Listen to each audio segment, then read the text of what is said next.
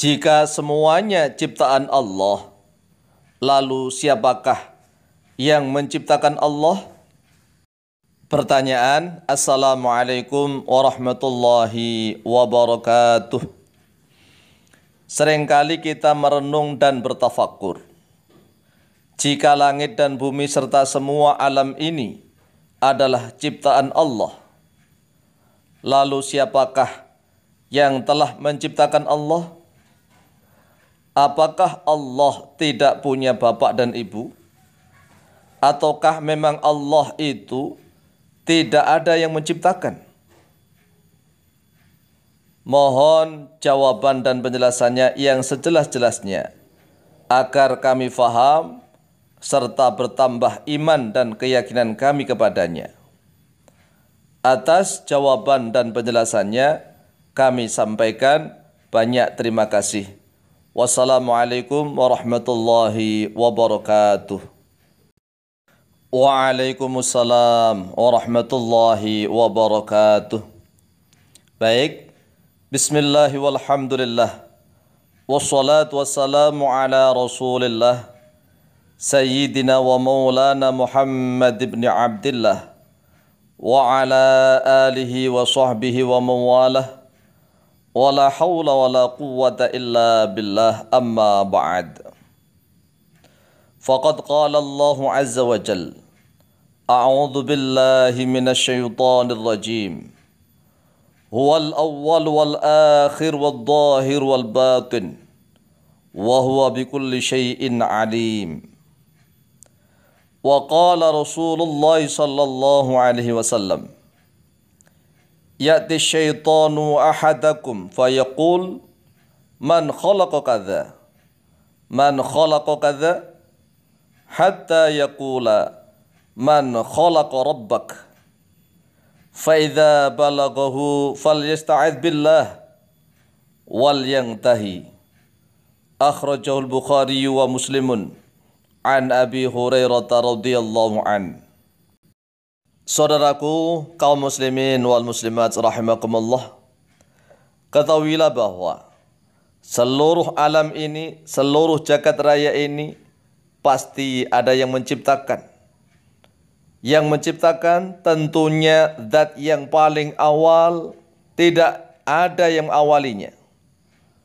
Dialah zat yang paling akhir dan tidak ada yang mengakhirinya. Karena kalau yang paling awal masih ada awal lagi berarti tidak paling awal. Kalau ada yang paling akhir tetapi masih ada yang akhir lagi maka tidak yang terakhir. Sehingga Sang pencipta seluruh jagat raya. Mulai dari langit, di dalam langit ada matahari, ada bulan, ada bintang, ada antariksa, ada galaksi, ribuan galaksi. Yang luasnya tidak terhingga. Kemudian di bumi, yang luasnya bumi ada gunung-gunung, ada lautan, ada sungai, ada batu-batuan, ada tumbuh-tumbuhan, segala macam jenis tumbuh-tumbuhan ada manusia, ada binatang, dan macam-macam yang ada di bumi, semuanya pasti ada yang menciptakan. Dan yang menciptakan segala sesuatu yang di langit dan di bumi, harusnya adalah dat yang maha satu, yang maha esa. Karena kalau ada dua pencipta, maka akan rebutan kekuasaan. Yang di langit mungkin akan yang menyerang yang di bumi yang di bumi mungkin akan menyerang yang di lautan, yang di lautan mungkin akan menyerang dan saling serang menyerang. Sehingga keharmonisan alam jagat raya ini tidak akan terjaga. Akan mudah sekali rusak karena sang penciptanya saling rebutan kekuasaan. Oleh sebab itulah pencipta langit dan bumi dan seluruhnya yang ada di dalam langit dan bumi penciptanya pasti dat yang maha esa.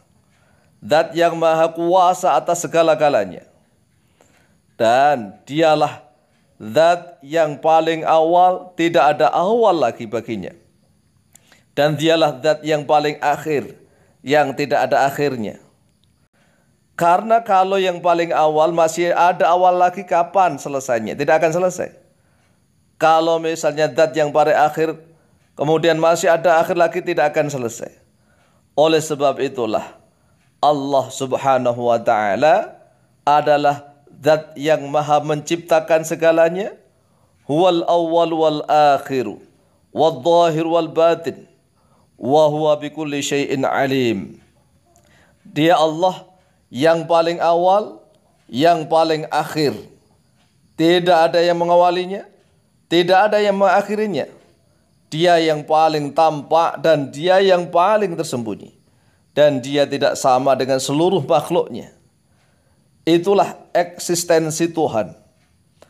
Kalau Tuhan masih ada yang mengawalinya, berarti masih ada pertanyaan lagi. Siapa yang mengawali? Enggak akan selesai.